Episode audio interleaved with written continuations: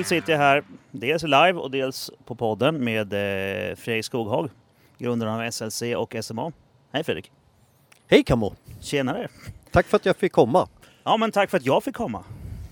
Vi sitter här och myser i Fredriks buss och eftersom det då ändå är eh, Time Attack tävling så tänkte jag att då kan vi stråla samman och dra en podd för jag vet att folk vill nog höra dina historier. Ja, jag brukar inte berätta alltid allt men eh, vi kan väl ta någonting kanske. Ja, vi gör det. Vi tar några små grejer. Ja. Ja, Eh, Du får ju styra samtalet naturligtvis och, eh, och fråga lite så Ja. ska jag svara. Eh, Men vi, just nu så kan vi ju börja med att vi sitter ju här på Time Attack och det gör vi ju av en anledning. Mm. Du kör sönder bilar ja och det jag. jag kör sönder teknik för närvarande. Det har varit en dyr helg. Det är svårt det här mellan plus och minus ibland på batterier. Ja, så det har gått ett otäckt. par specialväskor med lite teknik. Jävla otur. Och, Massa elektronik som gått i skogen då. eh, det har varit lite så. Och så har det lite regnväder. Eh, och, Det har vi märkt. ja. Eh, och då får man lite så här små grejer som att eh, när man har sönder ett fäste så hänger man antennen upp och ner i sladden för det är ju en bra lösning. för det, funkar ju då. Ja, det funkar. Ända tills det ösregnar. Och det Ja. regnar i- baklänges in och I kortsluter all elektronik. Så det, det är sånt som händer. Så Så, det är inte så- bara hos er bilar det går sönder. Det är även hos arrangörerna ibland. Ja, vad mycket bättre det känns nu. Ja, Så du är alltså både motorsportnörd och tekniknörd egentligen? det är en jävla bra kombination. Ja, det är det. Ja. Det är perfekt. Eh, nej, det är kul. Eh, jag gillar ju, eh, på samma sätt som många av er tävlande gillar att konstruera era egna bilar. Det var aldrig min grej när jag körde själv.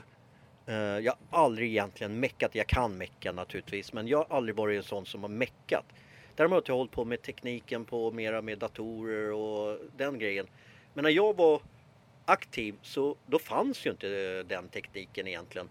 För vi, det var ju knappt att mobiltelefoner var uppfunnet på den tiden jag tävlade på riktigt. Mhm. Eh, så det har kommit mera sen efteråt när jag varit arrangör. Men däremot köra bil är ju skitkul också. Men eh, där är jag bara kör jag. Där kör du. Du är förare, inte mekaniker. Absolut inte. Inte ett dugg. Jag tänker vi börjar där då. Ditt motorsportintresse. Vad körde du? Vad började du? och Hur hände det liksom? Eh, Så jag kom in i motorsporten det var väl så här att jag föddes eh, och så som när man, eh, jag var första barnet och då tar det ju lite tid. Eh, och då hade jag en pappa som trampade i, eh, på den tiden fick man ju inte pepparna vara med i förlossningen, de stod utanför. Ja, just det. Och han trampade som fan. Han hade bråttom att hinna med färjan till Finland för han ska åka landslagstävling i gokart. Ja, Så jag hann ungefär bli född och sen var han där en halvtimme och sen drog han till Finland och åkte ja landslagstävling men i gokart. viktigt. Ja. Eh, Så där började väl mitt motorintresse genom en pappa som försvann. Ja, Och sen var ju med och pappa var duktig. Han har lite SM-tecken och lite här grejer i, i gokart och eh, åkte lite rally, eh, lite sportvagn, eh, lite Formel 3, lite Formel 2 eh, och lite allt möjligt Mhm. på den tiden. Och sen vart jag äldre och då var det jag som fortsatte. Mhm. Och sen hade vi eh, parallella eh, karriärer tills han inte hängde med mig längre. Och Då var det inte roligt längre. Nej, jag tror inte det. Nej, Något åt det hållet i alla fall. tur att jag har tre Eller flickor. jag tror att det var kul i alla fall. Ja. Han stöttade mig jättemycket under hela min karriär. Och Ja, okej. Jag tror att många idag som håller på i motorsporten kanske inte vet men eh, jag har kört det mesta som man kan köra tror jag. Okej. Vad började du köra? Min första motorsportkarriär var med en 50 kubiks Aprilia Sådär, i ja. motocross. Ja.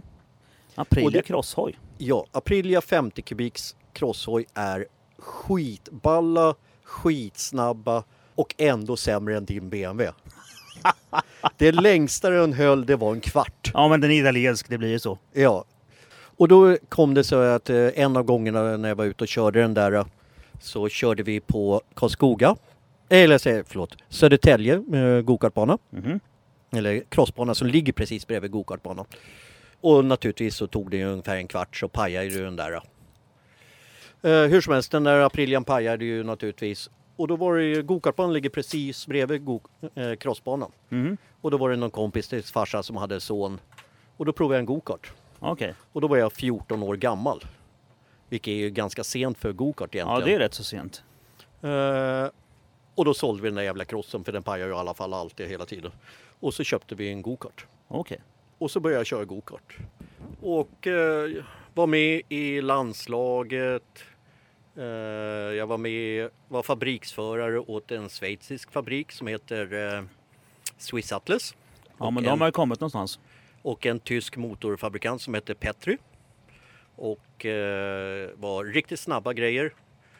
Och de Petry-motorerna var en liten, liten fabrikant i eh, södra Tyskland eh, som gjorde skitsnabba motorer som höll ungefär lika bra som din Porsche-motor hittills. Ja, men Porsche-motorn har ju hållit jävligt bra. Det är bara det som jag som har fuckat upp den. Exakt, Ja. men eh, så var det. Men... eh, Det var nästan som Aprilia då. Ja, nästan. Men eh, gjorde en del bra resultat. Bland annat eh, vi åkte Coppa dei Campioni i Lido di Jesolo i Italien som var inofficiella VMet. Och där så eh, utkvalificerade jag Ayrton Senna. Sådär ja. Och det tror jag att jag är en av de få svenskar, om inte den enda, som har gjort. Bara att du har kört tillsammans med Senna är ju riktigt coolt. Eftersom att jag då har vuxit upp med Senna som en Ja. stor idol. Ja. Och jag kan ju säga så här att eh, han var ju på en annan nivå än vi andra. Alla vi som tävlade då, vi såg ju att han kommer ju bli en F1-världsmästare. Mm. Han var på en annan nivå redan på den tiden. Ja, Och det var väl enda gången som jag åkte ifrån honom, ska jag erkänna också. ja men du har gjort Men det. jag har gjort det en gång. Ja. Så det var ju skitkul. Och sen har jag åkt lite allt möjligt där i gokart. Eh, fram tills jag var 19. Mm. Eh, och då flyttade jag till England. Okej. Och så började jag köra Formel Ford 1600. Mm. Eh, Det är ett ganska naturligt steg egentligen. det är ett ganska naturligt steg. Eh, och då första året så åkte jag i det första fabriksteamet som eh, Reynard gjorde. Jaha. Har du talas om Reynards? Ja. En eh, numera klassisk bilfabrikant, men då var de nya. Ja. Så 1982 så åkte jag i första fabriksteamet som Reynard eh, hade i Formel Ford. ja, men det är också en rätt så kaxig merit egentligen. Ja. Eh, sen bytte jag fabrikat efter halva året till eh, PRS och sen året efter så bytte jag till ett helt annat team och då åkte jag för ett eh, irländskt eh, team som var baserad i Silverstone. Jag bodde i Silverstone Okej. eh, som då hette eh, Eddie Jordan Racing Ja, det har man ju också hört talas om. som senare vart Jordan Grand Prix Ja. och det var sista året som de körde Formel Ford. Ja. Och det körde jag halva det året tills det var en engelsman som låg i vägen och hamnade i muren. Jävla otur. Ja, det tyckte jag också. Ja. Och då var jag tvungen att byta till rally. Ja, okej. För jag hade ingen licens kvar till uh, racingen. Ja, vilken otur. Ja, så jag han, han gjorde bort sig och då blev du av med licensen. Ja, så var det att Typ. vara utlänning i England på den tiden. Ja, det är frågan om det är någon skillnad nu för tiden. Ja, något åt det hållet. Ja. Hur som helst så eh, bytte jag då till rally och flyttade hem till Sverige. Ja. Eh, och då körde jag i eh, jag åkte allt möjligt så jag började med min första bil faktiskt var eh, Susanne Kotelinski kanske du har hört talas om. Jag känner igen namnet ja. Ja, en av de eh, bästa svenska tjejerna vi haft i rally, riktigt duktig. Eh, hennes dotter eh, åker ju nu. Eh, Mm. Mikaela Kotelinski Olin åker ju STCC. Det är där jag känner igen namnet. Och Mycket eh, hennes son Fredrik Olin åker i VM-rally. mhm. Eh, skitduktig är han. Riktigt duktig. Han kommer bli en stjärna i framtiden. Eh, jag köpte hennes första rallybil. En rosa Opel Ascona A. Det var min första tävlingsbil Sådär, ja. i rally. Och sen så uppgraderade jag mig och åkte lite eh, Fiat 131 och sen så kom vi till Toyota Stalet. Och det Ja. är den ultimata Den rallybilen. gamla bakhjulsdrivna. Standard B, 115 hästar. Man höll fullt överallt. Bara ställa upp det mera sladd om man behövde. Okej. Var den roligaste rallybilen ever. Ja, ja. Den, jag har faktiskt aldrig kört den. men Däremot tycker jag de här gamla bilarna så gillar jag Ascona B. Ja. Den är ju stabil och fin tycker jag. Så Men det är ju med, inte rally. med eh, så tog jag ett JSM-silver i rally Sådär. i standard B. Sen eh, uppgraderade jag och då vart jag, blev jag... Först så köpte vi en eh, Subaru Leone Turbo, XT Turbo. Gamla fyrhjulsdrivna. Mhm. Och sen så byggde vi den första Sierra XR4 gånger 4 rallybilen i Grupp. A. Okej. Vi var faktiskt före fabriken. Så vi hjälpte fabriken med tester eh, på eh, den som när de åkte sen i fabriksteam med. Sådär ja. För våran var klar en, en tre månader före deras egen. Så de använde våran som en testmula. Så roligt. Ja. Ja. Och det gick eh, ganska bra eh, och gjorde en del bra resultat. Eh, Jag har ett eh, resultat som jag är faktiskt eh, riktigt, riktigt stolt över. Jag åkte det sista året man körde någonting som kallas björnjägarens minne. Du kommer kanske inte från rallyvärlden så du har inte så Nej, mycket jag, minne. Jag har väldigt dålig koll på rally Ja. faktiskt. Men det, det är Jag en- kommer ihåg grupp B, det är det Ja. enda liksom. Men eh, runt 1987 så eh, bestämde, för då hade det varit lite olyckor, så bestämde eh, internationella bilsportförbundet att rallysträckor fick vara max tre mil. Ja. Innan så fanns det ingen begränsning. Jaha. Och då fanns det en eh, berömd sträcka i Bergslagsrallyt som hette Björnjägarens min- minne. Mm. Den var nio mil lång. En supersträcka alltså. En En specialsträcka. specialsträcka. Det tog 45 minuter att åka den sträckan, 9 mil, i full rallyfart. Det är rätt så... Ute i skogen. Ute i skogen. Och på den tiden körde vi utan noter, så vi körde dem blint. Jaha. Så det var bara att starta och sen eh, ta kurvorna vart efter de kommer. Ja, fy fan. Och det är skitkul. Det är alltså riktigt, jä- det är manligt. Ja, men det är hårt. Ja. Jag vet, någon gång jag diskuterade motorsport med någon, jag tror, jag tror det var Jan Persson faktiskt, på Mm. Simpson. Och han frågade, han sa så här, ja jag förstår inte varför rally fortfarande är tillåtet. Och alltså, Ja, det är ju lite mer, en lite grann retorisk fråga, men ändå, det är lite, det, för det är ju fan farligt på riktigt. nej, motorcykelsport är farligare. Ja, det är det. Hästar är ändå farligare. Fast det är ingen motorsport. Nej, Nej, men det är det är, trams. så är det. Ja. Eh, Men allt kan, kan ju inte vara helt säkert ibland. Men hur som helst. Sista året man körde Björnjägarens minne i originallängden 9 mil. Mm. Den vann jag totalt. Sådär ja. Och det är jag jäkligt stolt över. Du är, den, du är den sista vinnaren på den alltså. Japp. Och det kommer aldrig bli någon mer. Kommer aldrig bli någon mer om inte förbunden ändrar reglerna att man får köra helt plötsligt 9 mil specialsträcka Ja, det igen. kommer inte hända. Förmodligen inte. Nej. Sen efter det året så eh, blev jag fabriksförare eh, för Suzuki. Alltså sådär ja. Och det var också en bil som var riktigt snabb men eh, på den tiden så hade vi inte samma kunskap om att bygga specialväxellådor så växellådor var ett, ett fragilt kapitel på många bilar och Suzuki var en av dem. Så med Suzuki åkte jag då SM främst och jag hade hälften av tävlingarna i SM vann jag och hälften av tävlingarna bröt jag. ja Okej. Så det var vinna eller försvinna varje gång då? Ungefär så. För lite lådan grann. rasade? Ja. Ja. Eh, bittraste var väl eh, Svenska rallyt eh, när jag och min kartläsare Spex åkte. Och på den tiden så var det 36 sträckor. Mm. Och efter 34 sträckor så ledde jag klassen med fem minuter i Svenska rallyt. ja, men det är ju rätt så okej. Eh, det är ju, har man, ja, då är det klart. Ja, precis. Då har du vunnit. På sträcka 35, den näst sista, mitt på sträckan så gick växellådan sönder. Ja. Det var nog en av de bittraste eh, tävlingarna jag gjort. Så Svenska rallyt har jag åkt fem gånger, jag bryter den fem gånger så det är en jävla skittävling. okej. Ja, det var ju fan inget roligt resultat faktiskt. Nej, men eh, det, det, det är en kul tävling att köra. Speciellt när det är mycket snö i Värmland, då är den riktigt kul. Det är manligt. Mm, mm. Jag har många vänner som åker ut och tittar på den varje gång och de har bjudit med mig alla år. Men de, mina begränsade helger ju för motorsport får jag ju ta och rikta in på det när jag själv tävlar. Så är det. Tyvärr. Så är ju livet ibland. Ja. Hur, som helst så gick ju karriären vidare och sen eh, tog jag den där Suzukin och så flög vi över den och åkte sista året man åkte amerikanskt eh, VM-rally uppe i Washington State. coolt. Eh, och då fick vi hjälp av eh, japanska fabriken så då åkte vi tillsammans. De hade en, en kille som eh, många känner till idag som heter Monster Tajima. Mhm. Och Monster Tajima har ju byggt den här extremt häftiga eh, Pikes Peak Ja, ja. backbilen ja. Suzukin. Den som är med på tv-spel. Bland Ja, annat. Mm. Precis. Den är skitball. Så jag åkte i team med honom i det. eh, Hur i, är vägarna där i Washington? Washington var eh, döfina, eh, riktigt fina skogsvägar och en del bergsvägar. Mm. Eh, väldigt eh, blandat. Eh, du åkte både, vi startade ju i en liten stad som heter Tacoma som ligger söder om Seattle. Okej. Och först åkte man ner söderut och där var det lite så här eh, subtropisk skog nästan.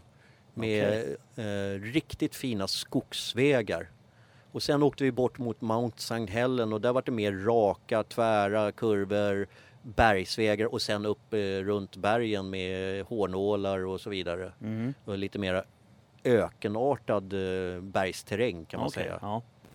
Ja, det, är den, det är den typen av, av terräng man ser när de börjar närma sig toppen på Pikes Peak. Exakt. Ja. Sån eh, väg var det där. Eh, men det var kul, eh, fast vi bröt ju växellådan naturligtvis där också. Jävla otur. ja. Eh, vilket gjorde att eh, jag gjorde ändå bra ifrån mig så jag blev uppmärksammad av ett italienskt eh, team som eh, drev ett fabriksteam åt Lancia i Grupp N som är ju klassen under Grupp A som man körde VM i. Ja. Eh, så 1989 så åkte jag eh, 10 VM-tävlingar Jaha du. i Lancia Integrale, Grupp N. Sådär. Det är ju rätt ball bil faktiskt. Ja, det var en riktigt eh, cool bil och den, eh, den var ju byggd för att åka biltävling så den höll ju. Ja. Eh, ibland. Eh, ibland så ramlar man ju ner från berg. Jaha. Aj då. Eh, så eh, till exempel eh, Vägen tog slut.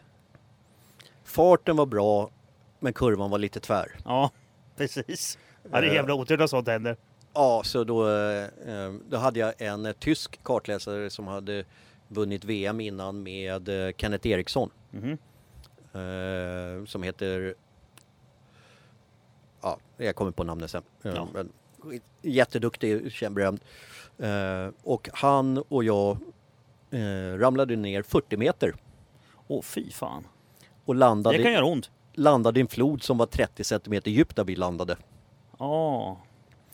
Eh, och på den tiden så var det inte riktigt samma säkerhet som det är idag. Så det tog ungefär en kvart, då kom eh, TV-helikoptern Ja. Och åkte ner och filmade oss och eh, tog lite TV-bilder. Ja. Och efter en timme så kom eh, med medical helikoptern Ja. och kollade att vi var okej. Så det... Eh, så den... Men det var ju en rolig tävling Ja. annars. Lite bittert dock eftersom att jag låg tvåa i den VM-tävlingen när jag ramlade ner för berget. Ja. det var ju. Men det var inte värre än att det, den bilen, ah, det här var ju också, det kan ju dra den historien samtidigt. VM är ju inte så här lätt organiserat. Först körde man ju då en tävling i Grekland. Mhm. Nästa tävling var i Nya Zeeland och där ramlade jag ner för berget. Okej. Sen tävlingen efter var Finland Ja. och sen tävlingen efter var i Australien. Men hur fan tänkte de där? Kunde de inte kört Nya Zeeland och Australien efter varandra? Ja, så gör man ju nu för tiden men Ja. För oss så funkade det ändå hyggligt så man fick ha dubbla eh, tävlingsbilar. En som man körde här i Europa och sen eh, En hade de vi andra, en ja. som vi skeppade med båt fyra månader till Nya Zeeland. Ja. Sen flög vi den från Nya Zeeland till Australien. Plus att vi fick ju laga lite där när vi ramlade ner från berget. Ja, precis. Eh, Men jag kom faktiskt tvåa i Australiens VM-rally i Grupp N med den bilen. Så det, den höll rätt bra ändå. Och det är rätt okej efter att ha ramlat ner 40 meter från berget. Jo. Och en eh, Volt Ja, dessutom. bra stål. Jo. Så det var min lilla karriär där. då. Och så åkte jag lite mer Suzuki efter det. eh.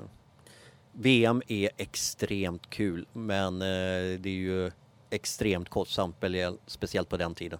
Ja, vad fan med alla de resorna det måste, och sen med allt annat också. Det, må- det måste ju vara sanslösa pengar.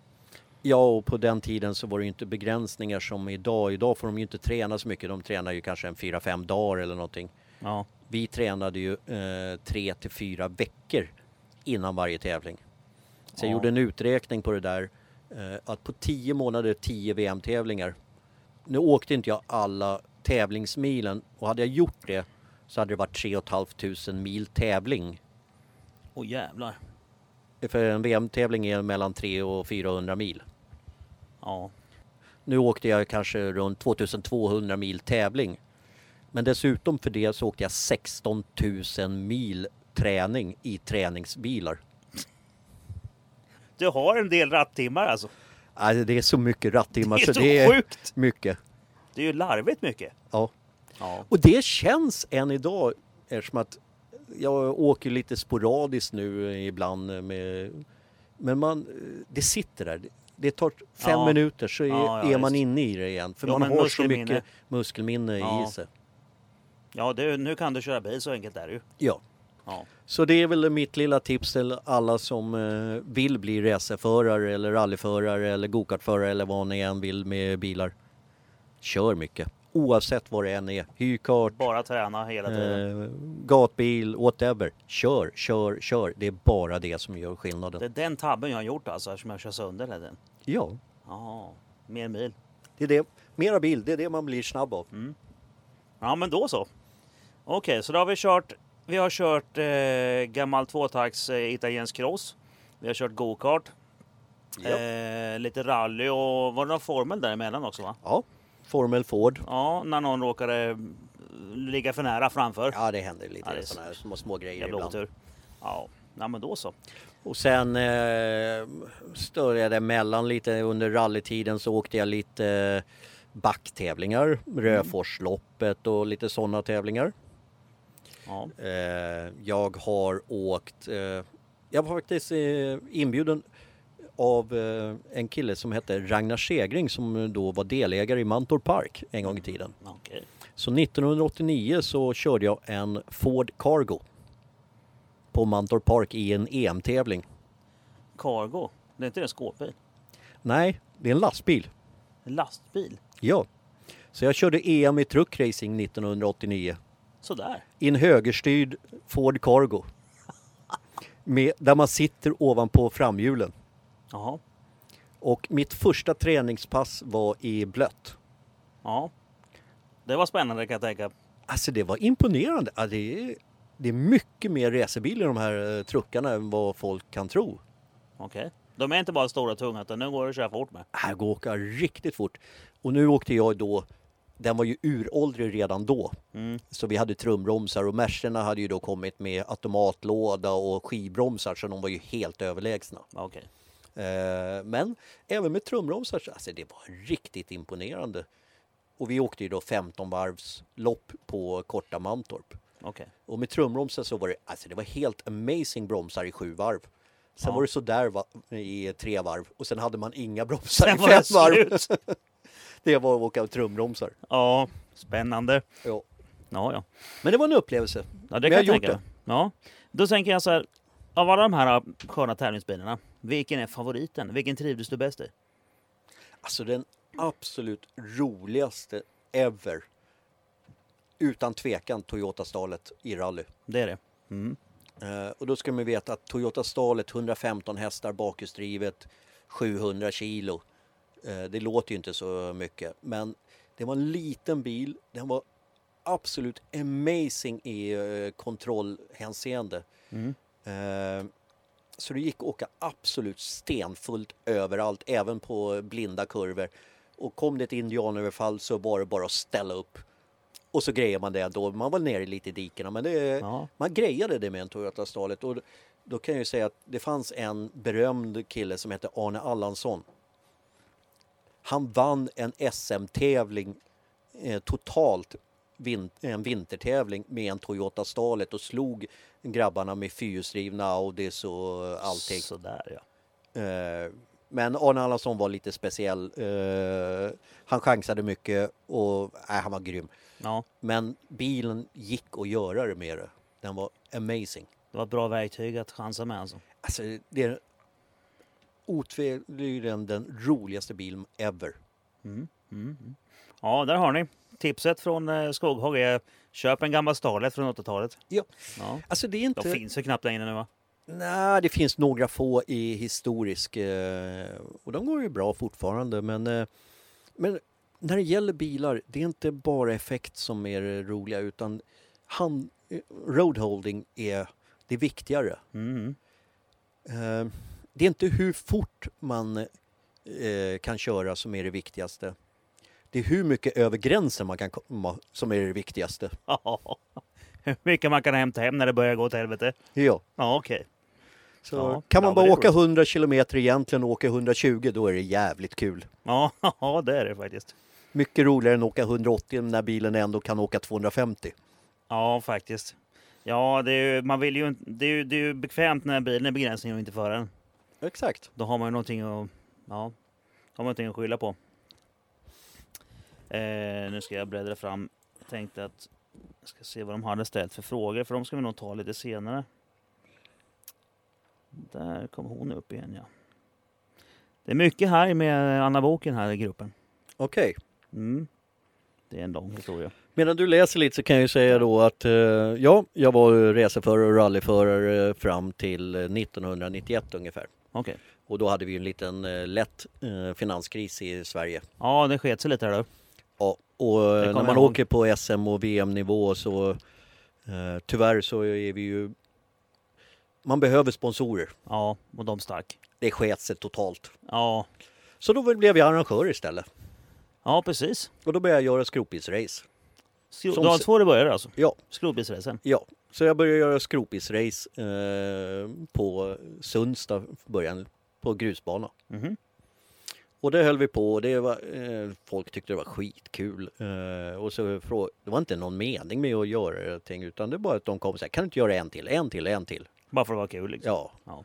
Och så eh, var det någon som sa, fan kan vi inte köra lite längre? Och då funderade jag på så här, den här grusbanan som vi körde med på Sundsta, den var ju, efter sex timmar så var den rätt guppig. Ja, Slog sönder rätt mycket bilarna så, och grabbarna sa att de ville åka lite längre än sex timmar. Och då sa jag, ja, ja så funderade. Så kände jag ju Ragnar Segring eh, som då var eh, ansvarig på Mantorp på den tiden.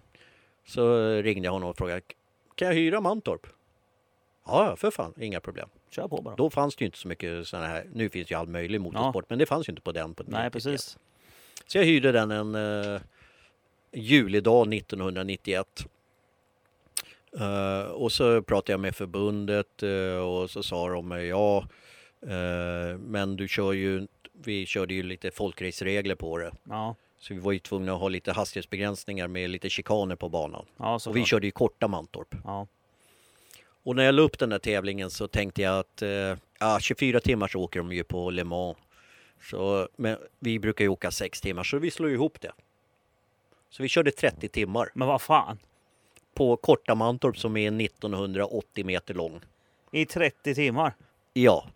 Det Eh, blir det på varv. och så då hade vi fått en begränsning från eh, förbundet att vi skulle hålla en topphastighet på max 90 kilometer i timmen. Ja, Och då tänkte vi, ja, vi ställer väl ut tre chikaner. ja, En på eh, start och målrakan och två på eh, dragstrippen. ja. Eh, och så började vi och så satte jag ut en liten annons i Idrottsbladet. Och det var 78 bilar som anmälde sig.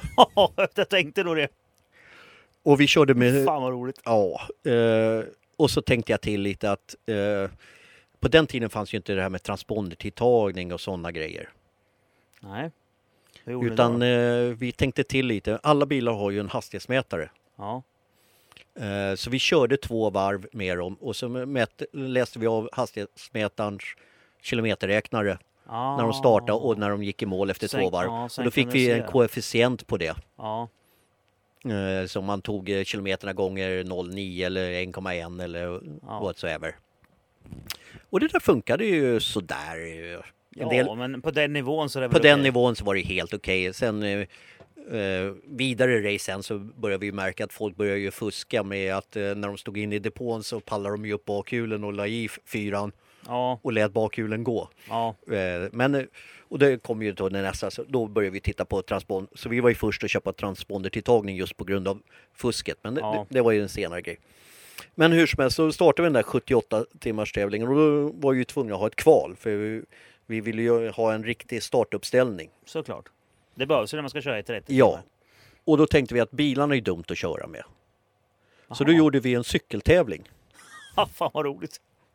Ett varv runt Mantorp Ja, på cykel. på cykel. Det var kvalet. Ja, och det var 78 cyklar och då var det ju då en del eh, har ju tävlingshetsen så det var ju fyra, fem första eh, stoppade ju in cykeldårar med eh, racercyklar. Ja, så de var ju enkla, de kom ju först de fyra. Ja. Och sen så fanns det ju de här eh, sista tio som tyckte det inte var så noga utan var lite roligt. Så det Ja. var ju en del som hade tre hjulingar och lite sådana grejer. Ja. Det var inte så noga. Nej. Och sen, och det här var väl det vi missuppfattade. Eh, vi trodde ju att det skulle bli ut lite, för att vi eh, tog målet borta i chikanen på Mantorp. Jaha. Eh, och sen måste man ju tänka på säkerheten så vi eh, tvingade alla att ha racerhjälmen på sig. Ja. Med målat startnummer eller tejpat startnummer på sidan av hjälmen. Ja. Och så gjorde vi en smal eh, målfolla. Och så stod vi fem man med papper och penna och en videokamera för att eh, få rätt målgång på dem. Ja, precis. Men vi underskattade lite grann eh, ändå tävlingshetsen förutom de här fem, eller fyra, fem första som kom eh, på eh, lite utspritt. Ja. För de övriga 60 stycken ungefär, de tog så här en liten lagom klunga. Ja. Och kom samtidigt. Och sen kom samtidigt och sen började de spurta de sista 50 metrarna. Åh nej. Och cykel nummer fyra i den högen rasade på mållinjen. Oj. Så vi hade 25 cyklar som låg i en hög. Aj fan. Och alla var vansinniga för att vi inte kunde lista ut vem som kom först av dem. Hur fan löste ni det då? Ah, till slut så bara bestämde vi någon sorts ja, men nummerordning. så här där. är det liksom. Ja. Ja.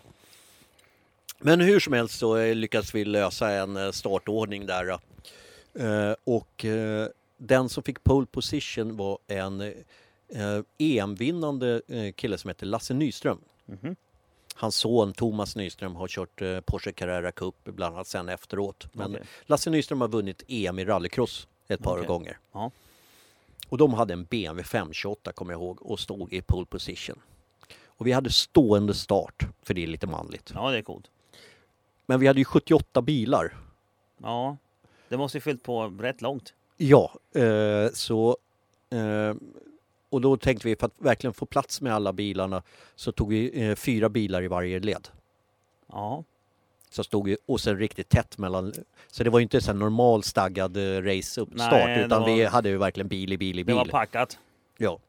Och ändå så sista leden var ju förbi eh, hårnålen på korta, eh, så svänger man Ja, in. precis. Börjat in på, på dragstripen då? eller? Ja, där stod ju de sista bilarna. Ja. Och så drog vi igång den här tävlingen och Lasse tog ju starten. Och när han kommer upp för dragstrippen så hade de fyra sista leden inte startat ännu. så det var ju bara att parkera in sig i leden. Jaha. Bara vänta. Så mycket var det med 78 bilar. Ja, det får inte plats på korta banor. Vi måste ha haft långa ju. Nej. Och sen hade jag ju då en kontrollant från SPF där och, och då såg han, han tyckte att det gick lite för fort. Det är klart han tyckte. Eh, Så vi blev ju tvungna att sätta ut fler chikaner under pågående tävling. Oj då. Så det var ju ut med säkerhetsbil och ut med flera däckschikaner. Ja. Så vi slutade med nio chikaner på lilla 1,8 kilometers Ja, slingan. Ja. Eh, Men det gick bra. Vi hade skitkul. ja, jag kan tänka mig Och jag tror att eh, 50 av 78 bilar gick faktiskt i mål på 30 Det är bra timmar. jobbat. Så nej, det var riktigt, riktigt kul. Ja. Eh, Sen eh, så, vad jag menar bara en one-off tävling. ja, precis. En kul grej bara. Ja, och vi skulle köra här en gång om året kanske eller någonting så. Ja. Och sen i övrigt eh, bara hålla på och leka. Men så var det samma sak där. Eh, Folk kom och frågade, fan kan du inte göra en till? Och då funderade jag lite grann så här och jag insåg ju att det funkar ju inte det här med chikaner. Nej. Och eh, folkracereglementer på burar och sånt där. Som man måste göra på riktigt. Ja. Eh, Så då jobbade vi tillsammans med SPF eh, och så utvecklade jag ett racingreglemente. Så vi följde med säkerheten på, på enligt racing. Mm. Och så gjorde vi en riktig racingserie av det och det tog lite tid så vi körde ett 24 timmars till sen i oktober Mhm. samma år, 91 Okej. och ett i november. Jaha. Och det var fullt. Och då gjorde jag en eh, serie sen till 1992 Mhm. och så satte jag ut en liten annons i Idrottsbladet igen. Mm. Och så fick jag 100 anmälningar Sådär. på 24 timmars serie. Ja. Och Folk då, ville köra. ja, och då insåg jag att det går ju inte att åka med 100 bilar. Nej. Så jag gjorde en A och en B-serie. Som åkte eh, fem tävlingar var. Okej. Och sen fick de eh, 50, eller 48, för 48 var eh, max vi fick köra. De Mm. 48 bästa kvala till en final. Okej. Så 1992 arrangerade jag 11 stycken 24 timmars tävlingar, alla på korta Mantorp. Men det är ju helt stört. Det var helt stört, Ja, verkligen. men det var jävligt kul. Men man var inte människa förrän på onsdagen efter Ja, förstår tävlingen. jag. Det förstår jag. 92 sa du? 92, Ja, då körde jag moped. mm. Mm. 11 stycken 24 timmars. Ja. Och sen eh, bara utvecklas det därifrån och det blev bättre och bättre och bättre och bättre. Och vi, jag höll på i, eh, Det var det här Nej. som blev SLC sen då? ja, Ja. så jag höll på sen i 20 år Ja. och arrangerade SLC-tävlingar. Skitfränt ju. Och sen nu, eh, sen eh, två år tillbaka så har jag lagt ner mitt eget arrangerande Mm. och hjälper bara andra arrangörer. Okej, med tidtagning och sånt då? Med teknik. Och Ja. tidtagning är en av eh, teknikerna som vi Precis. har. Och, Du har även livesändningar nu och det här med kameror och sektorn och allt det. bara tidtagning är ju, finns det ju en hel del tidtagare i Sverige numera. Mm. Jag var ju ensam i, i, i många år. Så jag har ju jobbat åt alla arrangörer egentligen en gång i tiden i SM och eh, EM och så vidare. 24 timmars VM, eh, MC och Mhm. eh, massa sådana grejer. Så det var ju kul. Men nu finns det mycket konkurrenter och då får man ju utvecklas. Ja. Så nu tar vi det till nästa steg. Nu erbjuder vi tidtagning, eh, övervakning med 15 kameror ute på banan. Vi håller på och försöker bygga upp en live-tv-avdelning. Eh, vi kommer att ha eh, lampsystem som automatiskt visar grönt, gult, rött etc. etc, etc. Mhm. Så försöker göra en helhetslösning för arrangörer. Det är rätt smidigt. Ja. De köper, köper in tjänsten från dig och sen är det bara bilarna som behövs. Eller motorcyklarna. Eller motorcyklarna. Eller cyklar med konstiga hjälmar. Ja. Om man Kan vara, det. kan vara sånt också. Ja. Jag tänker på det här med SLC. Eh, eftersom vi var med och körde det för länge sedan också. Så tänker jag de här alla klasserna de hade. Japp. Eh, det, det som, som jag såklart med mina erfarenheter och, och min, eh, min vilja att bygga bilar så är det ju värsta klasserna som jag tycker är värst mest, mest intressanta. Ju. Absolut. Hur kom de till? Om vi börjar där. Det var lite organisk utveckling på det. Från början så hade vi, vi hade ganska fritt från början men eh, från bör- det är lite grann som här i Time Attacken, eh, det är lite grann samma resa. Mm. Eh, I början så var det inte så häftiga bilar men sen triggar ni tävlande varandra Mm. och då måste man förändra reglerna efter det. Ja. Eh, Och i början så behöver man inte så mycket regler överhuvudtaget. Nej, För det funkar då, ändå. Då, ger- då, ja, det ger sig automatiskt lite Ja. grann. Och sen vart efter det kommer lite mera pengar och lite mer kunskap i så behöver man eh, strama åt eller tänka till lite mera. Så det, det där är en det är en utvecklingsfas som man måste ha en sorts fingertoppskänsla mellan arrangör och tävlande. Mm. Det känns lite grann som Jätte- att det var det den första serien där det var tillåtet med massa motorswaps och sånt där. Absolut. Ja. Det är det som jag tycker är roligast. Ja, och det tycker vi alla är skitkul.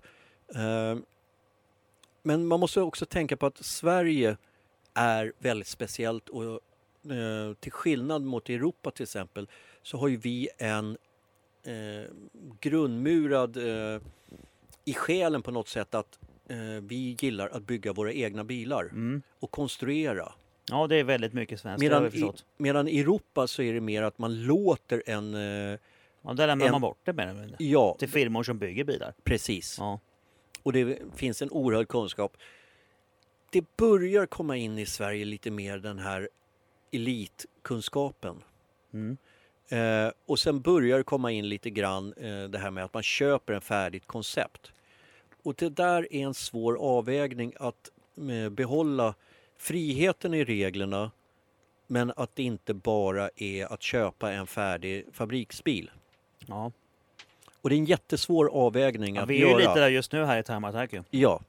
Eh, och Väldigt det- mycket snack om de, de, reglerna just nu. Självklart. Och det, det där är en jättesvår avvägning för vi vill ha fria regler men vi vill också inte att det bara är att man måste köpa en färdig bil för tre eller fyra eller fem miljoner Nej, för att kunna vara med. Nej. Och hur gör man den avvägningen? Det är inte så lätt. Och jag avundas absolut inte Time Attack-serien till exempel som har det bekymret just nu. Nej, det är jag inte jag heller. Jag är skönt, det känns bra att jag inte sitter och bestämmer det. Ja. Eh, Så det, det är ju en problem. Men det, vi alla gillar ju hembyggda bilar. Ja, vi tycker om det. Det är ju det är, så är det ju. Ja. Jag känner, eh, då är det ganska smidigt att glida in på det. Om du tänker tillbaka på SCC och alla de här fräna byggena. Har du någon, sån här, någon, någon favorit som du tänker på att den bilen var riktigt ball? Det behöver inte vara den snabbaste, men någonting som du känner att den här var coolast liksom. Oj, det finns jättemånga eh, bilar som är... Som du känner, som du känner som är klassa in där. Ja. Eh, nu ska jag inte ta bara bra bilar. Eh, det finns massor med bra bilar, till exempel eh, SLC så var det ju det finns ju rätt många nu som har tagit det konceptet vidare. Eh, Till och med fabriken i BMW själva. Mhm. Men SLC tror jag var före dem och det är man tar en gammal eh, BMW E30 Mhm. och så hinkar De man känner i, jag till.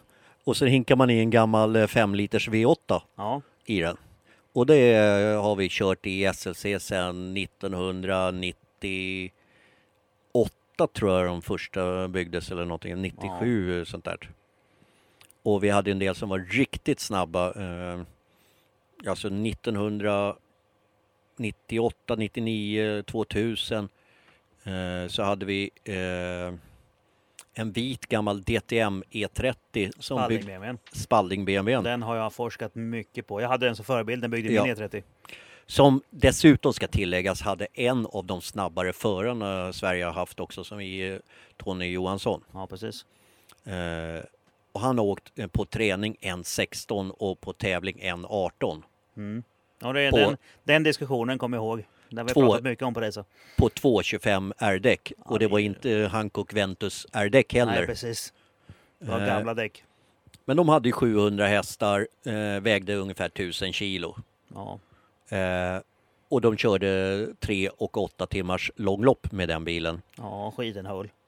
Nej, den höll inte 8 timmar, men de vann någon 3 timmars tror jag. Ja, Men det var så mycket kraft så eh, de, jag kommer ihåg att bland annat, eh, ja du vet ju hur en bakvagn på en eh, E30 är uppbyggd. ja fast den, är inte, den, ja, den, ja, den var inte riktigt så på den här bilen. Nej, där Men- byggde de ju hela bakvagnen i burrör Ja. Jag, har ju, jag har bilder på den faktiskt. Jag har smugit under den och fotat den. och ändå vred de sönder bakvagnen på den. Ja, Men eh, de hade ju, det var ju en Köhle-trimmad eh, 5 liters V8 så den var ju någonstans runt 700 hästar ja, det är rätt bra jobbat. i en sugmotor. Ja, det är jävligt bra jobbat. Eh, Det var en eh, bil som man aldrig kommer att glömma och speciellt då inte i händerna på Tony Johansson för Mhm. han verkligen kunde köra. Ja. Men det finns rätt mycket bra bilder när han kastar eld. Det var ju en sidepipen på den där bilen, kommer jag ihåg. Ja. Ja. Sen har vi andra, eh, en bil som jag heller aldrig glömmer men det var mer visuellt. Uh, Roffe Ur, som du kanske ja. känner till. Ja, det har du känt till. Han hade en Saab 9-5 polisbil. Som han åkte tillsammans med den här eh, kända polisen Ruben Börjesson som är på Teknikens Värld. Jaha, okej. Eh, De var med och körde också alltså? de var körde. Är, det, var det en gammal äkta polisbil? Nej, det var en ombyggd racerbil. Men, eh, så det var en 9-5 med en Cosworth-vinge på. Jaha. Och sen eh, komplett polismålad med blåljus. Fy fan vad fränt! Jättefränt. Så det, det är också en bil som man aldrig förstår kommer jag, att den glömma. glömmer man inte. Nej, så Roffur, du är en hjälte. Du kommer alltid vara i mina tankar.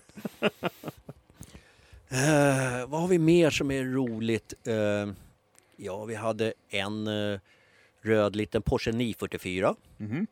Vi hade många Porsche 944 med. Många snabba. Eh, men den här byggde man om och satte en 3,6 liters boxer luftkyld turbo Porsche-motor i. Det måste vara ja, någon gammal 930 motor eller någonting då. Ja.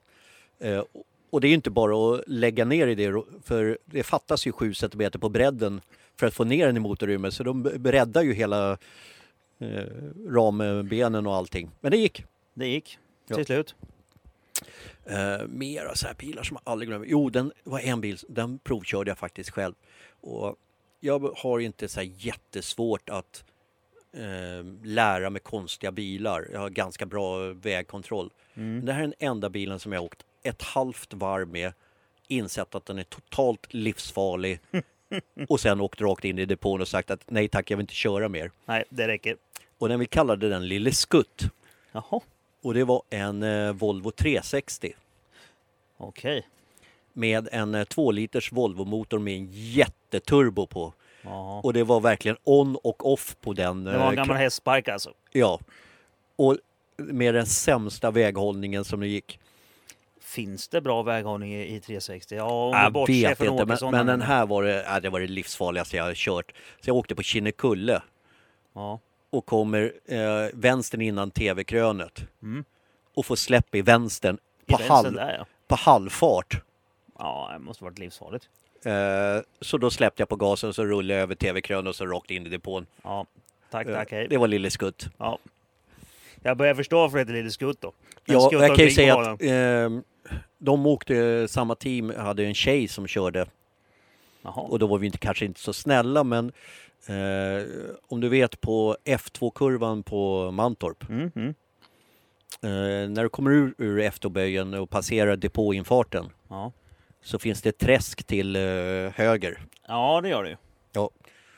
Där fick hon sån där sladd i utgången.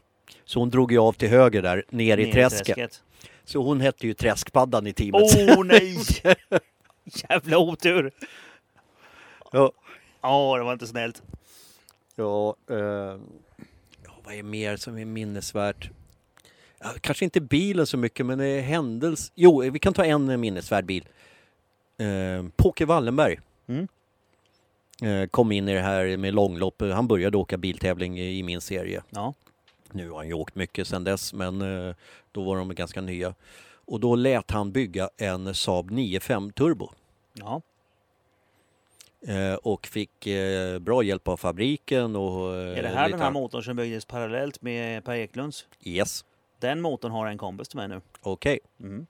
Och han fick den här framhjulsdrivna Saaben att bli lika snabb som en Porsche GT3. Ja, det är rätt bra jobbat. Det är jävligt bra jobbat och det Ja. är imponerande. Så eh, det var en kul bil som man inte glömmer heller. Ja, den motorn sitter just nu i en Escort MK1 Okej, som är bakhjulsdriven.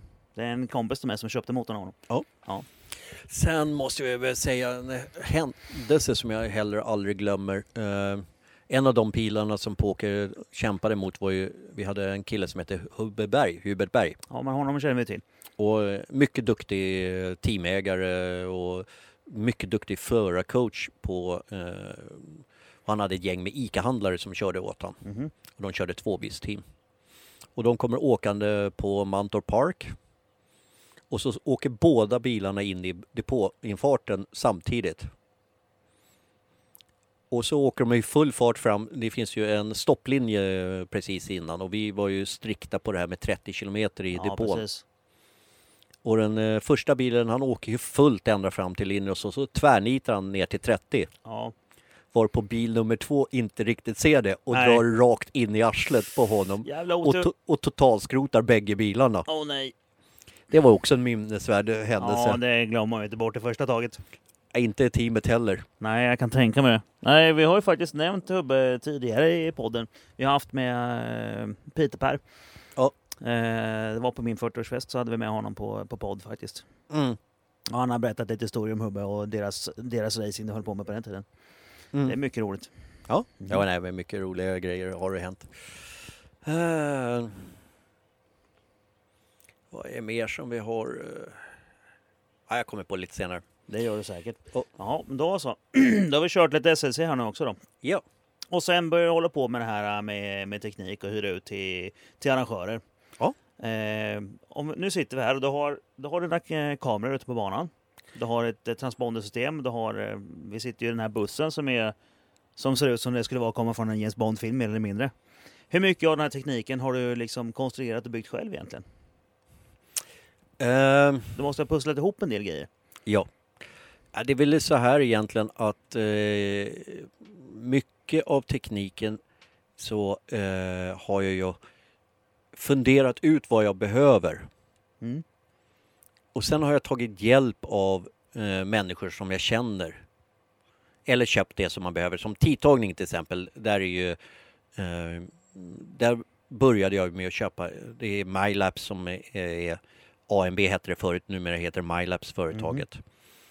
Vi testade ett annat engelskt system som inte alls funkade först och det eftersom att vi började med att köra med kilometerräknare så fuskade de som fan så ja. insåg vi att vi och då började jag titta på om det fanns något och då fanns det lite olika system, det engelska och det holländska från AMB MyLabs. Och då provade jag engelska och kom de dit.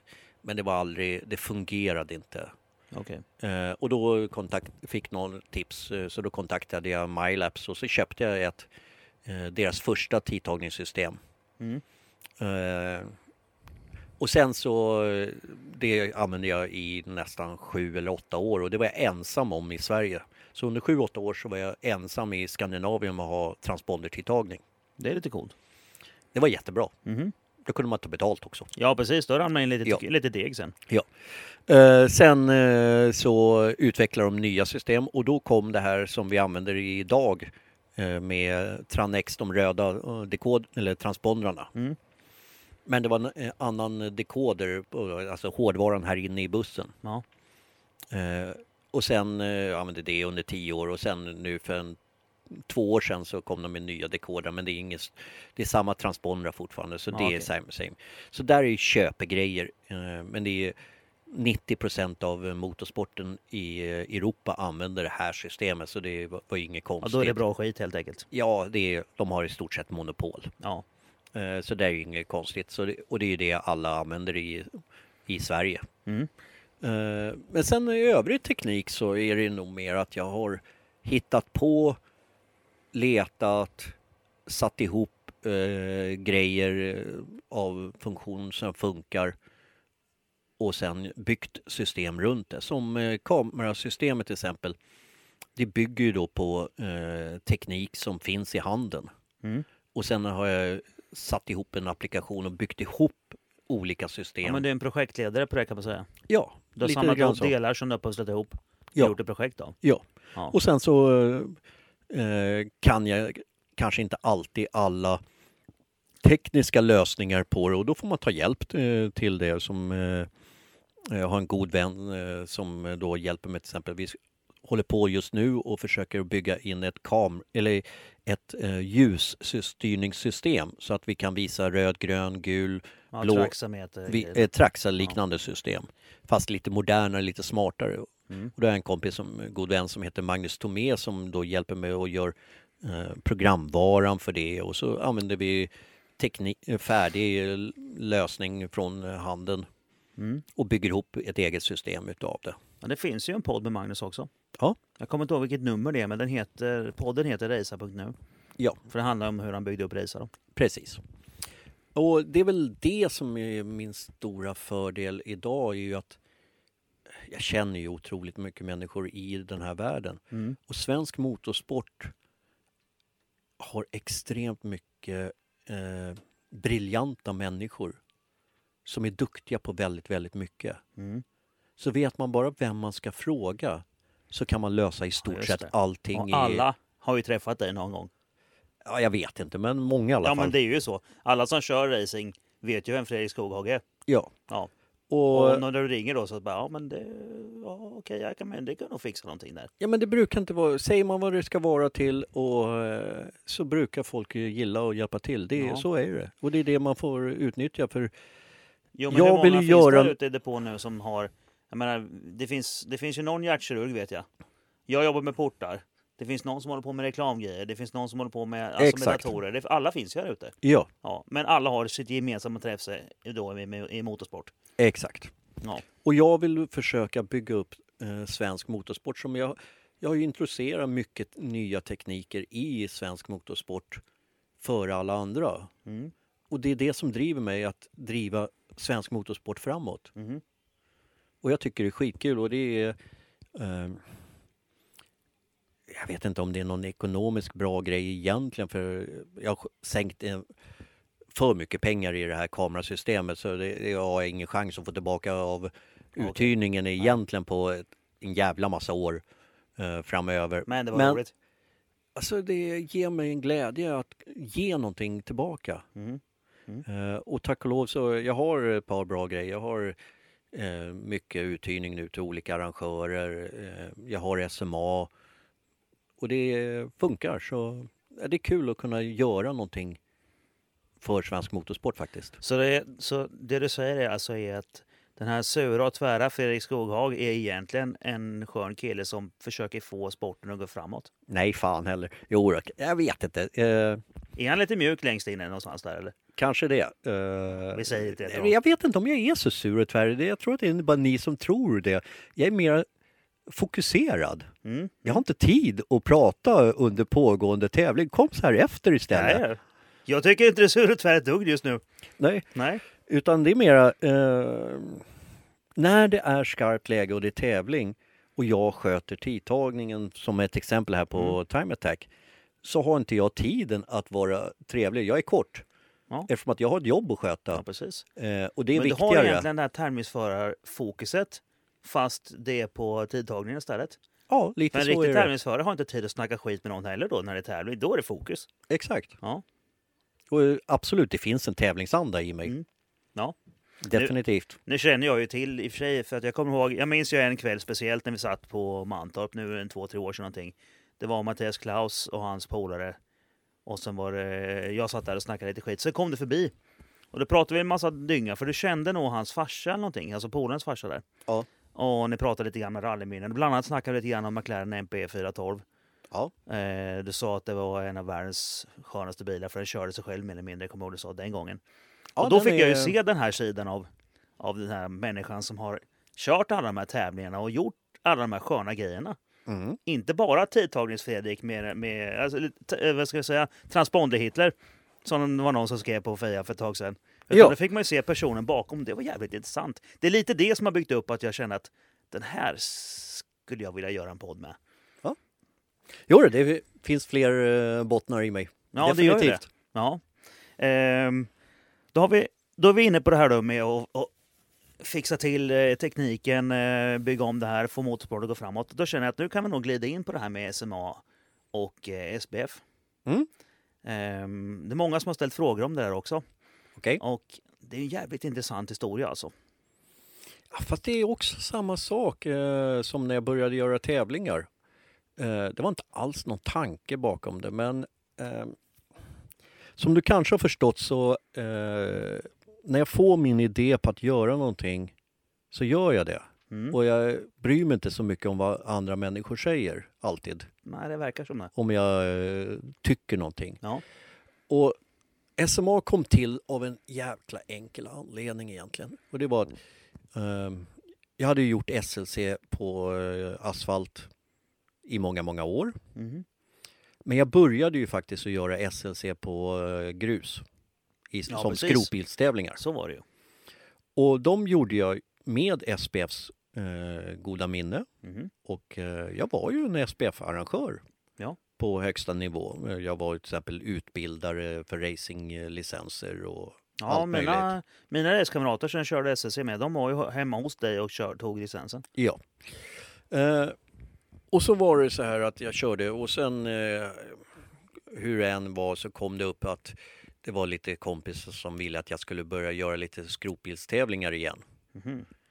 Uh, och då jag ju som van, jag gjorde vanligtvis, uh, jag gick till SPF och så sa jag nu ska jag göra de här tävlingarna igen som vanligt, som jag mm. gjorde förut. Ja, precis. Uh, och det fanns ju inte regler för på den tiden i SPF före. För när jag gjorde dem så hade jag så specialtillstånd på det. Och ja, det precis. hade ju förföljt. Liksom. Ja. ja. Och när jag gjorde dem så var det eh, en kille som heter Bertil Örtengren på Stockholms Bilsportförbund som eh, var min kontaktperson som jättebra. Han var framåtskridande och eh, en bra kille. Mm. Men sen var det ju de som varit ansvariga för mig, det var ju racingutskottet. Ja. Och då kom det in eh, ett par andra killar i racingutskottet som ja. var ju mer lierade med lite andra arrangörer än mig. Aha. Så vi var inte riktigt så här bästa kompisar, även fast... Eh, och det är lite beroende, jag hade ju arrangerade ju junior-SM till exempel i Volvo S40 Challenge. Jaha, det var du som låg bakom det? Nej, eh, först var det SSS men sen var de utkastade och då, tog jag, då fick jag det av Volvo istället. Jaha. Det var lite olika grejer så här. Så när jag då kom och ville göra skropbilsrace igen så eh, pratade jag då med ordförande för racingutskottet. Eh, och han sa bara nej. Du får Ja. inte. Nähä. Sådär. Och då vart jag så lite fundersam och Du fick ingen anledning heller, det var bara ett nej. nej, det var bara rakt nej. Ja. Eh, och så eh, vart det så här lite, vad fan då för? Det har jag gjort förut. Jag vet ju exakt vad jag ska göra och så vidare. Mm. Eh, och då så här, äh. Då började jag fundera, vad- fan är det egentligen Svenska Bilförbundet gör? Och vad är det de bestämmer över? Och då började jag titta lite grann och läsa på lite svensk lag. Mm. Och det fanns ju mycket i svensk lag om motorsport. Okej. Men ingenstans av det nämnde det någonsin Svenska Bilsportförbundet. Och då började jag fundera, behövs de egentligen? Ja, det finns massa regler om svensk bilsport. Men Ja. inte att det ska vara Svenska Bilsportförbundet det handlar om. Nej. Och då började jag titta och en av grunderna i det eh, är ju att det finns en försäkringslösning i det. Ja. En personförsäkring. Ja. Ja. Och arrangörsförsäkring eh, framför allt. Okej. Eh, och därigenom eh, började jag luska i det och då var det visade det sig att det är helt möjligt. Okej. Men så eh, insåg jag också när efter lite snack med försäkringsbolagen att ja, det går, eh, men det är jävligt dyrt. Ja. Så jag har inte råd att göra det bara för mig själv. Okej. Men jag kan ju inte vara den enda som har problemet med förbundet, tänkte jag. Nej. Det känns ju inte som det. Nej. Nej. Så jag tänkte, äh, fuck it. Så jag drog igång det. Nu åker vi. Nu blir jag en... eh, Då blir då- du egentligen en form av eh, försäkringsagent. eh, Ja, Eller mäklare. Lite grann åt det hållet. Där, innan, ja, ja. innan du blir ett eget förbund så blir du egentligen en försäkringsmäklare egentligen. Ja. Det är det det handlar om Ja. i praktiken. Eh, och sen framförallt så lärde jag mig allting om regler och lagar och så vidare.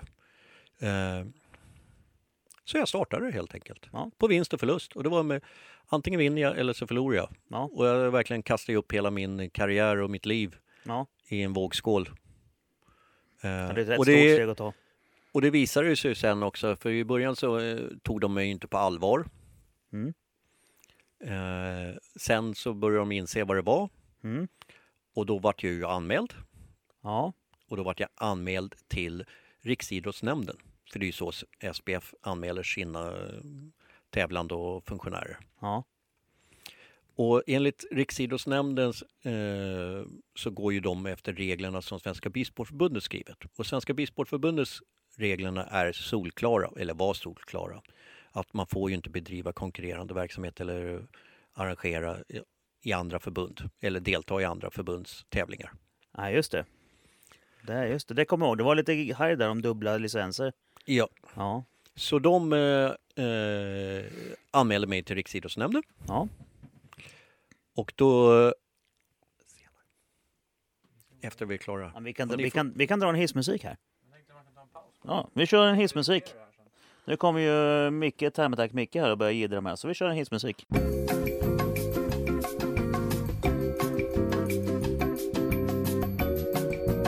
Ja, då var det ju det här med eh, Riksidrottsnämnden eh, som anmäl, de anmälde mig till. Mhm. Och då insåg jag att den fighten, med, eftersom att de har ju regler för allt det där, den Ja. kan jag aldrig vinna. Nej, Ever. nej. Men jag ansåg inte att de hade rätt. För det följer inte, jag tyckte inte att de följer vad som faktiskt är svensk lagstiftning. Och svensk lagstiftning går över. Ja, och så visar det sig även att det är europeisk lagstiftning i det här också. Jaha, Så jag motanmälde dem i Konkurrensverket. ja, just det. Och det var lite intressant faktiskt. När man anmäler till Konkurrensverket så gör man en anmälan till dem att man anser att någonting är fel. Jaha, Och då undersöker de det. Och det tog ungefär ett halvår. Och då lämnade jag ju även in till Riksidrottsnämnden att jag eh, anser inte att ni har jurisdiktion över det här. Och då inhiberade Riksidrottsnämnden ärendet Ja. tills eh, de eh, fick ett svar från eh, Konkurrensverket. Så Riksidrottsnämnden faktiskt gjorde rätt, Ja. helt rätt. Det, det, men där är det utbildade jurister som faktiskt vet lite mer om samhället än vad SPFs jurister och eller kunniga, de har Ja. inte en jävla susning tyvärr. Nej. Och då utredde Konkurrensverket det här i sex månader. Och då kom de fram till att min anmälan, ja, den har en viss bäring. Mm. Och då lägger man ner min anmälan. Sen startade Konkurrensverket upp ett eget mål mot Svenska Bilsportförbundet. Jaha! Det är så, det Så går till. jag var inte Det var inte du. som d- drev eh, Man kan säga att du ärendet. tipsade dem. Ja, Och sen började de att driva ett ärende. Eftersom Ja. de ansåg att det var nödvändigt att göra det. Så motparterna efter min anmälan var eh, ned, eller avslutad Mm. var Konkurrensverket mot Svenska Bilsportförbundet. Ja, ja. Så det var en hel statlig myndighet som jobbade Oj. mot Svenska Bilsportförbundet. Sådär ja. Vilket ju har ju en viss betydelse för de har ju resurserna. Ja visst. Och ja de men då blir det väl- på riktigt. Och de är, de är riktigt, riktigt vassa och duktiga. Det är lite grann som Skatteverkets jurister. Ja. Eh, det är inga dumskallar som jobbar på Skatteverket Nej, eller på Konkurrensverket. Nej, det är the shit. Ja. Eh, sen var jag ju väldigt involverad i hela gången eh, som både sakkunnig och vittne. Mm. Eh, så de använde ju mig och jag var ju där på många möten och eh, i början fick jag ju faktiskt lära juristerna på KKV vad motorsport är. Ja. För de kommer ju inte från den här världen överhuvudtaget. De, Nej. de kan ju konkurrenslagar. ja, precis. Det var det är det de jobbar med. Ja, Ja. Och då med din meritlista i ryggen så, så är du ett ganska bra vittne där egentligen. Ja, eh, och då eh, höll vi på i nästan två år och det är ju inga snabba eh, saker det här med juridik. Nej. Och då kom, efter två års utredning så kom Konkurrensverket fram till beslutet att ja, SPF gör fel och så får de inte göra. Nej. Och då är ju nästa eh, juridik är att det beslutet som Konkurrensverket kommer fram till, det är ju giltigt. Men man har en överklagan och det är till Marknadsdomstolen. Ja, okej. Det är nästa instans. Så det är som eh, tingsrätten och eh, hovrätten. Ja, precis. Och då överklagade ju Svenska Bilsportförbundet det eh, till eh, Marknadsdomstolen. Ja. Och Marknadsdomstolen höll på i nästan två år till. Fyra år nu. Så fyra år höll vi på med juridiken. Ja. Men eh, skönt nog så eh, Svenska Bilsportförbundets eh, beslut var ju inhiberat. Eftersom att de inte hade någonting laga kraft varken i Rinn eller eh, någon annanstans. Så jag kunde ju fortsätta under de här fyra åren. Ja, okej. Du kunde fortsätta arbeta. Ja.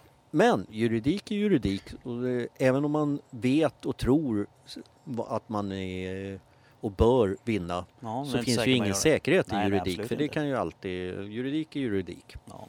Så det var ju nervöst. Men efter fyra och ett halvt år, som det faktiskt till slut vart, så kom ju slutgiltiga domen och det, den vann jag. Till Ja. 100 procent. och eh, Konkurrensverket hade ju en, ungefär tio jurister som jobbade så de la ju ner mycket pengar i det här. Ja. Eh, och det SPF fick ju en betydande stöttning av RF på det här. Och de hade ju också en eh, mycket eh, framstående konkurrens, privat konkurrens eh, som jobbar med konkurrensmål på det här. Så eh, jag vet att de begärde eh, 7 miljoner i kostnadsersättning bara för marknadsdomstolsbiten. Ja. Så de har lagt ner över 10 miljoner SPF och RF på det här målet ja. och förlorat. Och då försökte de ju få kostnadsersättning men det avslogs ju så RF fick ju stå för all, alla deras juridkostnader. Sådär ja. Det Och de fet förlorade. Ja, det var, det var ju det var inte så kul för dem det. Nej. Nej. Men de hade nog inte räknat med att förlora. Nej. De tänkte att men det här är lugnt. Ja. Ja, nu ska vi trycka till den här jäveln. Ja. För så blev det ju inte. Nej. Nej, jävla otur. Så sen dess så har SMA fortsatt och växt och växt och växt och eh, vi gör Det finns då tävlingar inom alla möjliga sporter eh, inom eh, motordelen. Mm. Allt från eh, go-kart till eh, traktorpulling, eh, motorcyklar, skotrar, skotrar som kör på vatten, eh, biltävlingar, Ja, ja. Vad du än kan tänka dig. Eh, Massa Mud roligt race. skit helt mud race, Ja. Jättemycket kul. Och jag har haft faktiskt förmånen att åka ut på lite olika här grejer och se saker som man aldrig har sett förut. Och det är, ja, det är, där kan du prata om unlimited. Traktorpulling är mycket häftigare än Ja. time attack. ja, det är rätt ballt faktiskt. Jag har sett på det på riktigt en gång när jag var liten. Okej. I Målilla. Ja. Det var ju... mm, Ja, men... men- mass, fan, de har fem motorer och vad har de för jävla växellådor liksom? Ja, det vet jag inte, men det Det är, är häftigt jättekonstigt. Är det. Ja, jag såg nu senast i Borlänge, då var det en som rullade ut en sån här 37 liters eh, Rolls Royce. En gammal Merlin-motor eller något sånt här? Nej, inte Merlin, det var någon annan eh, hette den, men Mm. i alla fall 37 liters eh, V12 va? Ja. med 12 raka enmeters rör. Åh fy fan vilket ljud. Det var ljud. Det var inga 95 decibel, inte? Nej du. Så nej, det är mycket kul. Döfränt. Mycket dödfrända grejer. Jaha. Så eh, SMA, eh, ja, det är mycket tävlingar. Ja, jag, jag kommer ihåg det, för det var ju lite, det var lite bråkigt där en stund om att det här med att man inte skulle få ha dubbla licenser. Ja, Men det var ju det som släppte då när, när målet blev avklarat. då. ja. ja. Och det är väl fortfarande ibland lite småbråkigt, men det är inte från högsta hönsen på SPF utan det är mera så här distriktspåvar eh, ibland. Några ja, små, som, ja, kaffepoliser som jag brukar kalla dem. ja. De som Eh, står vid kaffeautomaten. Nej, man får bara ta en kopp. Exakt, det är Ja. lite sådana som Ja. bråk. Eh, men det börjar släppa mer och mer tror jag. Ja. Jo, men det kanske i slutändan kanske det är bra för dem också. Det får vi se. Jag tror att det är bra. Sporten Framförallt så är det ju så att eh, vi är ju egentligen ingen konkurrent mot Svenska Bilförbundet för att jag har ju tagit en mycket stor del av marknaden och gjort den laglig och försäkrad och på riktigt som förut höll till i bakgrunden och körde svart och utan försäkringar och utan tillstånd och så vidare. Mm. Det är nog mer den delen som jag har löst ut. Ja, okej. Ja, Bilsportförbundet har kvar den delen de hade och du har tagit de andra. Ja, Rättat upp det lite grann så. ja. Ja. Så eh, jag tror nog att motorsporten är helt, har nog tjänat eh, framförallt eh, och det, det inser nog även många på SPF idag. Säkert. Men det var väl någonting det här också med vad, vad, det här med RM och SM och så, vad det fick heta. Ja, det har Var inte varit någon där? stor grej men lite grann var det ju och det är ju en del på SPF trodde ju att de hade ju ensamrätten på att arrangera SM-tävlingar Ja, och att de hade rätten till ordet SM. ja, Och det är samma sak med juridik där. Och det är, SM är ingenting som är märkesskyddat alls. Däremot RFs förtjänsttecken i SM kan bara SPF eh, dela ut. Så Ja. ett, ett RF-godkänt SM kan Ja. de bara godkänna. Men Ja, SM i sig, det finns ju SM i kärringkonk. Det Ja. finns SM i schack. Det finns SM i. Ja, jo det gör det. billjud. Ja, jo. Det, det gör ju faktiskt det. Det finns väldigt mycket märkliga SM. Ja. Det gör det. Så SM är ju inget märkesskyddat, det är ett svenskt mästerskap. Sen, och det här är viktigt. Eh, SM, vi gör några få SM i SMA. Och, några, och ett EM till och med också. Mm. Men vi gör bara och tillåter bara SM inom vår organisation om vi tycker att de faktiskt förtjänar det deltagarmässigt och statusmässigt. Ja, för det får inte gå inflation i det. Nej, För då blir det ju inget roligt. så vi gör inte SM i vad som helst. Nej. Eh, jag har gjort ett SM i endurance Mm. Eh, och då gjorde vi eh, som är- med SLC som arrangör. Mm. Men vi bjöd in alla andra långloppsteam i hela Sverige att vara med. Och vi hade 50 bilar på startlinjen. Och vi hade del, de bästa deltagarna från Mellansvenska långloppsserien, eh, från NSHC och ER-cupen Mm. med. Och då anser jag att då är det statusmässigt befogat att kalla det SM när alla är med. Ja, det tycker jag. Det, det, så är det ju. Men hade det bara varit SLC så, som jag körde de andra tävlingarna, då kallar jag det inte SM för då har det inte statusmässigt befogenhet att kalla det. Nej, Nej för då blir det, då blir det inflation. Ja. ja. och ska man prata klartext så i Time Attack så finns det ju en serie som drivs i eh, SPFs regi. Mm, mm. Eh, som är ju SM och RM. Ja. Och det här är ju rätt fånigt för det är ju ja. 20 bilar som tävlar om ett SM, två SM-tecken ja. till och med. Ja, jag som är förare i den här serien har ja. ju pratat mycket med alla andra grabbarna. Och de flesta är ju överens om att, att eh, det är ju jättekul att få en SM-medalj. Men... Den är ganska platt när den ja, inte har någon status det i sig. De snabbaste är ju här. Ja. Och då är det de man vill köra mot för att få, för att få alltså den, den riktiga äran liksom. Ja. Så det är de snabbaste man ska ta. Så. Ja. Och det är det som är grejen. SM i sig är inte det viktiga utan det är statusen, statusen på tävlingen precis, ja. som är det viktiga.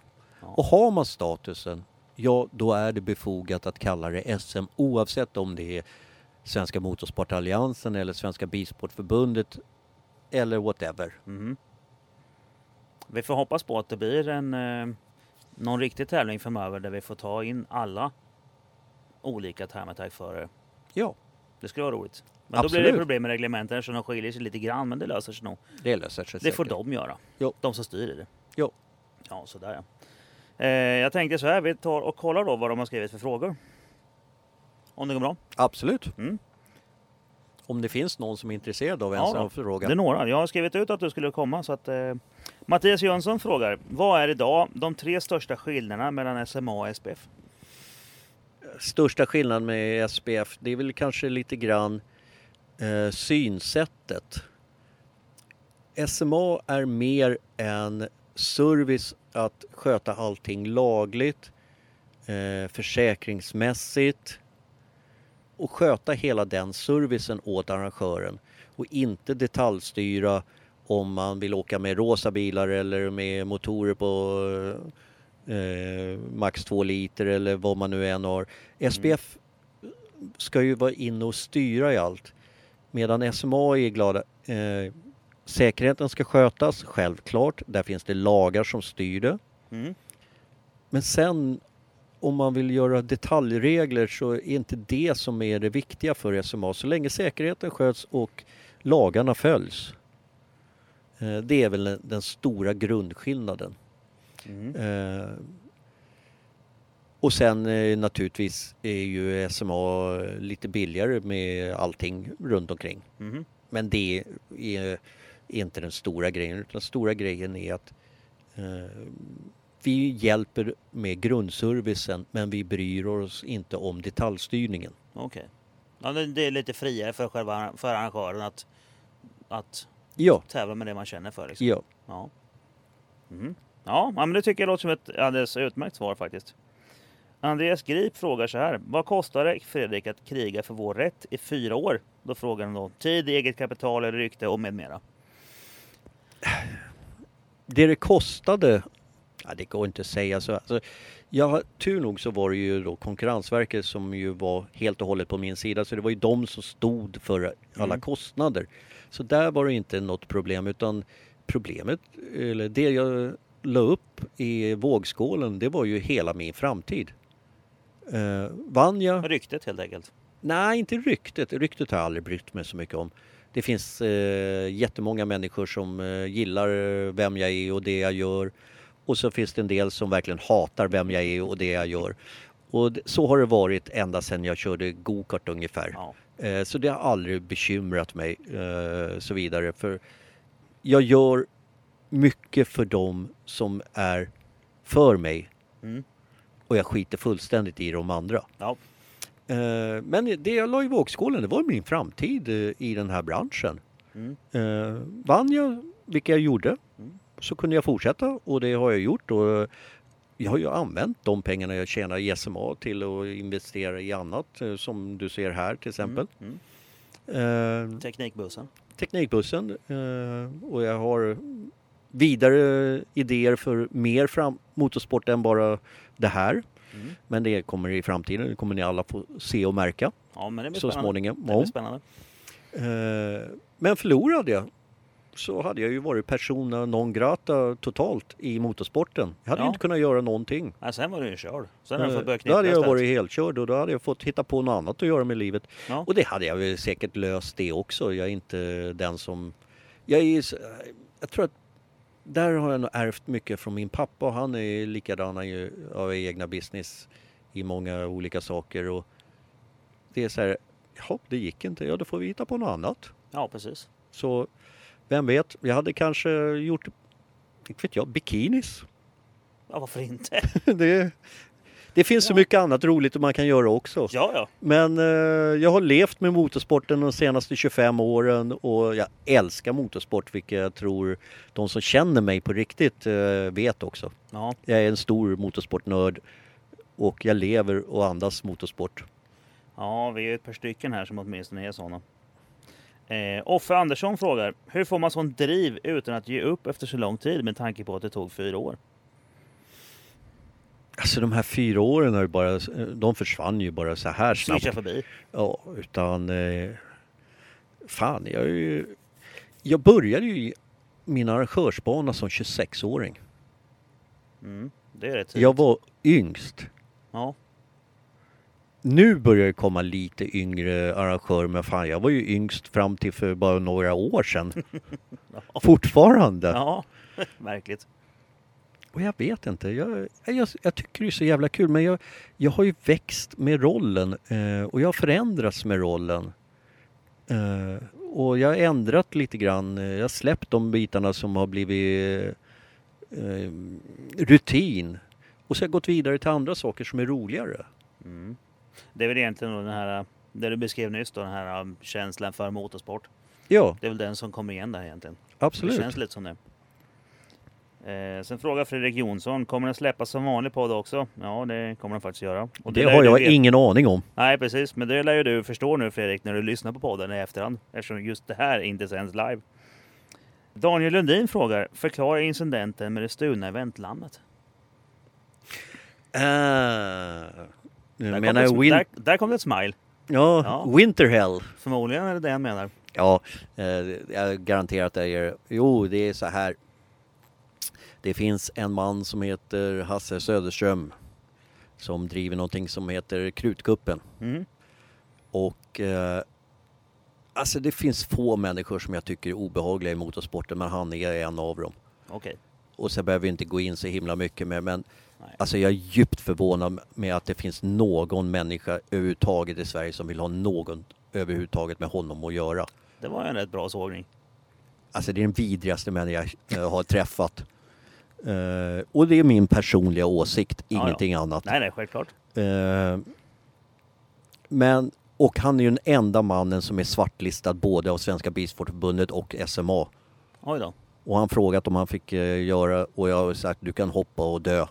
Ja, jag tänker Eh. inte vara med på tåget. Nej, eh, jag vill inte ha någonting med honom att göra och jag vill inte ha någonting med någon som har med honom att göra överhuvudtaget. Mm. Mm. Jag lägger hellre ner hela min motorsportskarriär än att ha något med honom att göra. Ja, okej. Eh, Och då fanns det ett namn som jag drev långlopp.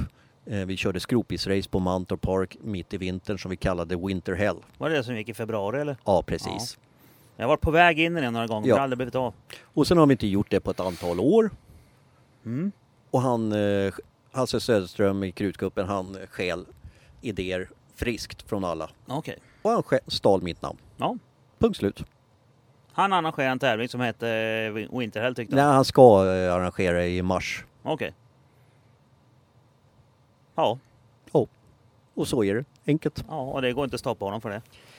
Alltså det går väl eh, om man skulle bråka med, eh, eftersom att det finns ju en precedens hos mitt och det är ju ett varumärke egentligen, eh, Vinterhäll, men Orka. alltså det orkar göra så utan jag kan bara säga att jag tycker han är skitstövel och jag vill inte ha någonting med att göra och jag hoppas att ingen annan har någonting med att göra. Okej. Vill de göra det, fine. Men det är en ytterst obehaglig människa och det räcker för mig, men det är bara min personliga åsikt. ja, precis. Ja, men då har vi... Då har vi Men jag är inte blyg att säga att jag tycker han är skitstövel. Nej, det har vi märkt. Det, det, det är en väldigt tydlig åsikt. Ja, men då så. Eh, Daniel frågar också vad står SLC för? Ja, jag brukar ju säga nu på senare år att det står för Skogags lekstugeklubb. Ja. Men från början så stod det för Svenska långdistanskuppen. Mm. Och det, så hette företaget och eh, serien från början, Svenska långdistanskuppen. Ja. Och sen vart det så himla långt och då eh, vart jag lite moderniserad och då kallade jag det SLC Racing. Ja. Och det var någonstans runt 94 som jag ändrade det till, till eh, förkortningen Ja. SLC Racing. SLC. Och det, det är bara det vi har jobbat under. Så folk har släppt det här med Svenska långdistanskuppen. Och vi Ja. gör ju så mycket annat än eh, Ja Bara idag lång- är lopp det ju inte numera. Och eh, nu, idag eh, är jag bara med på en del lång... Jag har, är ju med på en del långlopp fortfarande. Ja. Men det är mycket, mycket mer än det. Så SLC Racing är det jag jobbar under när jag jobbar åt arrangörer. Mm. Och sen SMA är ju det andra. Så det Ja. är två olika saker som jag jobbar ja med. precis. Det är, egentligen, det är egentligen två olika företag också då. Eh, nej, det är faktiskt samma företag Okej. om man ska vara eh, krass egentligen. Men det är två olika avdelningar i företaget Ja, som precis. jobbar med helt olika saker och Ja. helt olika roller. Och jag eh, blandar inte ihop dem egentligen heller. Man tänker att det är en arrangör och en försäkringsmäklare då. Ja, Ja, för försäkringsmäklare slash förbund. ja precis. Ja. Mm. Förbundet består bara av dig eller? Om vi ska vara riktigt korrekta så är jag inte försäkringsmäklare och det får man absolut inte säga heller. Utan, Nej, den, eh, utan det var jag, ju min har, titel på det. ja, jag har en försäkringsmäklare som jag är ansluten till men eh, jag eh, säljer försäkringar, det gör Ja, jag. precis. Jag mäklar inte. Det, Du är ma- ma- nasare. juridi, juridiken är Ja, viktig i precis. det här. Ja, men det, ja, det är för fan. Det är det ju. Det är säkert, eh, det är säkert någon som lyssnar på det som tänker att app, app, app, app och sen så nu har vi förstört app, app, app för honom. Så nu Ja. blir det, ja, det är bra att vi reder ut det där. Ja, det var de frågorna man hade. Jag tänker så här att nu, nu, eh, nu gör du alla de här sköna eh, arrangemangen. Du har din teknik, du känner folk som du raggar upp för att fixa till tekniken. Av alla de här grejerna du gör just nu, vad är själva gnistan liksom som får att, att, eh, att det fortsätter att rulla på? Vad är det som du tycker är roligast i det? Att förbättra. Mhm. Ständig jakt på förbättring. Ja. Driva... Eh, Samma sätt som jag eh, en gång i tiden när jag var snabb mm, så eh, ville jag ju bli den snabbaste och bästa föraren. mm, Eh, nu vet, blev jag ju aldrig riktigt den snabbaste och bästa föraren av alla. Eftersom att bevisligen fanns det ju sådana som var bättre än mig. ja, men, Men jag varit ganska hygglig. ja, det gick eh, ju i- rätt så bra. Ganska hygglig i alla fall. Eh, och jag är väl kanske inte den bästa arrangören eller bästa teknikgrejen eh, om man tittar worldwide. Men jag är ganska hygglig i Sverige. Mm, Men jag vill bli bättre. mm, Och mitt driv är helt enkelt att bli den bästa teknikarrangören, uthyraren i Sverige. den bästa motorsporttekniknörd-arrangören i Sverige. Ja, Ja, men det är väl ett bra, eh, en bra, bra ledstjärna att vara tycker jag. och jag tycker det är kul. Ja, Eh, och en av eh, grejerna är jag får köpa mycket rolig eh, det, elektronik och det är skitkul att köpa elektronik. ja det är det faktiskt. Ja, ja, jag drar ju mycket på styrsystemsbiten, det tycker jag är kul. Ja, Ja, men det är ju, men vi har ju styrsystem i det här också. ja det har ni faktiskt. Ja, Ja, så. mm. ja men det är ju, Senaste inköpet är 15 stycken Pi-datorer.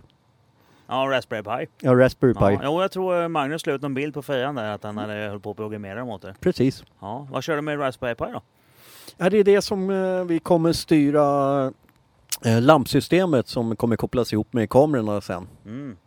Så vi kommer se, eh, ha... Göra li- det finns ju liknande system på en del svenska banor som kallas Traxa, Mm. bland annat här på Karlskoga. Ja. Eh, men som jag har förstått det så är ju Traxa har ju gått i konkurs, det är ett norskt bolag. Mm. Och eh, när de går sönder så går de inte att laga. Jävla otur. Ja. Eh, och så finns det lite andra begränsningar i det. I, till exempel, eh, det är ju specialbyggda control, controllers. Mm. Så man måste ha en handenhet och sen en centralenhet uppe i tornet för att styra det. Mm. Och vi tänkte att... Och det var eh, ganska dyrt system också. Ja.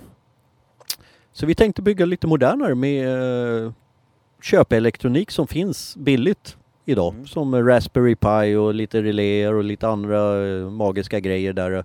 Jag kan inte allt heller själv men jag har ju faktiskt hjälp av duktiga människor som precis. kan, som Magnus Tomé till exempel. Eh, Så vi bygger ett system som man kan styra med en helt vanlig jävla mobiltelefon.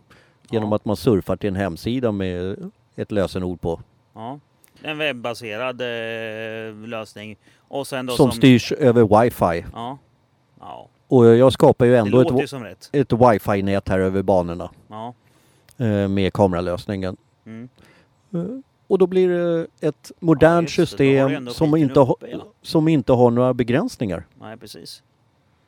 För du har kameran går med wifi. Ja, Ja, och när du ändå har signalen uppe så kan du lika gärna dra en, en, en, en ljusskylt på det med. ja, Ja. ja. Det är ju inte så jävla dumt faktiskt. nej. Nej. Så det blir ju många saker i samtidigt. När beräknar du att det här systemet är klart då? Eh, Förhoppningsvis så kan vi börja testa det inom eh, en månad. Är tanken. Så pass? Eh, Så eh, tanken är att vi ska testa alla system ihop under resten av det här året. Mm. Och sen ska det vara fullt operational till nästa säsong. Coolt. Det är eh, grundplanen. Ja. Ja, det är ju det är så att en, en blinkande lampa blir ju lite lättare att se än en flaggvakt. Ja, Så Hänger ut en flagga och viftar. ja. Så är det ju. Sen är det ju faktiskt så här och eh, tyvärr motorsport eh, idag eh, lider alla av det problemet och det är ju alla arrangörer oavsett om det är SPF eller eh, SMA eller whatever. Det är inte kostnadsproblem utan det är helt enkelt problem idag att hitta funktionärer, funktionärer Ja. i tillräcklig mängd. ja. Så det är de Det som här- kallas för eldsjälar. eldsjälarna Ja. Eh, Så det här blir en teknisk lösning att fylla upp de luckor som faktiskt finns idag på banorna Mm. för att höja säkerheten. Mm, mm, mm. Inte för att spara pengar utan för att helt enkelt lösa de problem som finns Nej, i vi kommer aldrig kunna verkligheten. få det helt personallöst, det går inte. Nej, det Nej. går inte. Men det är bra Men det här kommer vara definitivt en hjälp till det. Mm. Ja, Jag brukar vara jävligt försiktig med att skälla på eh, personalen. Därför att de är där och ställer upp för ingenting betalt och gör det för att de tycker det är kul. Och om vi börjar skälla på dem, då är det inte roligt längre och då lär de inte komma tillbaka. Nej, Det är ju så enkelt. så enkelt är det. Ja. Eh, Men det är ett svårare problem än så utan eh, jag har ju hållit på så länge. Jag har ju haft extremt mycket personal under årens lopp. Eh, Och det, det har minskat helt enkelt. Jag hade när jag körde SLC för många år sedan till exempel. Vi körde ju tävlingar uppe i Mo i Rana uppe i Nordnorge. Mm. 24 timmars. ja. Jag hade chartrad turistbuss och bussade upp 50 flaggvakter. Ja, det är snyggt. Det blir svårt att göra idag då. idag om vi tar mellansvenska långloppsserien, de hittar inte 50 flaggvakter idag. Nej. Ens att åka fem mil till Mantorp Park. Mm. Det är krassa sanningen idag. Ja, det är tråkigt. Eh, Så vi måste börja titta på lösningar för att lösa det här på ett säkert sätt. Även med lägre bemanningsgrad. Mm. För det finns inte på mindre enklare tävlingar idag den mängden funktionärer som det gjorde förr i tiden. Då kan vi ju dra en uppmaning till de som lyssnar att är det någon som är sugen på att vara med och lära sig mer om motorsport så kom ut och hjälp till att vara funktionär. Absolut, vi Det behövs du får ju eh, första paket för att se racing. Ja. ja. Och du får göra någonting som är viktigt för att föra motorsporten framåt. Och eh, ja, du får vara med och mysa med oss andra liksom. Ja men Så är det ju. Ja. Ja, då så. Ja men då eh, känner jag att vi har väl, har vi ah, handlat av allting? Är det någonting du känner att du vill tillägga? ja, det är mer frågan, kommer din eh, BMW Porsche hålla imorgon? Eh, vi får se imorgon. Jag var ute och svängde en, ett par varv idag. Och eh, motorn går ju för jävla bra. Det gör den ju. Så att eh, vi får väl se. Chassit då? Chassit är också jävligt bra. Det enda jag är orolig för just nu det är styrningen. Okej, Ja. och då pratar vi eh, före eller efter ratten? Ja, mellan, mellan ratten och styrväxeln. Okej, Eller snarare mellan ratten och styrstagen. okej. Så inte Ja. mellan ratten och eh, nackstödet? Nej, där, där är det... Begränsningen sitter inte där just nu. Okej. Inte än. Mm. Om det andra hållet, då kommer begränsningen bli där. Jag ska titta på det imorgon. Skit bakom Ja. spakarna som det heter. Jag följer det imorgon. Ja, men det blir ju suveränt bra.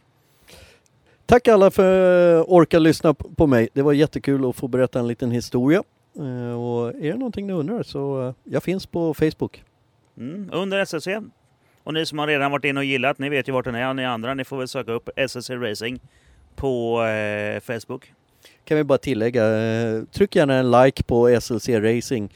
Jag kommer lägga upp en hel del eh, livefilmningar framöver tror jag. Eh, Resten av det här året så kommer vi testköra våran live-tv-avdelning rätt mycket och lägga upp allt möjligt. Olika evenemang. Inte för att göra seriösa livesändningar men för att testa tekniken och kanske kan vi få se någonting kul ibland. Det kan bli... Då så. Tack för ikväll allihopa.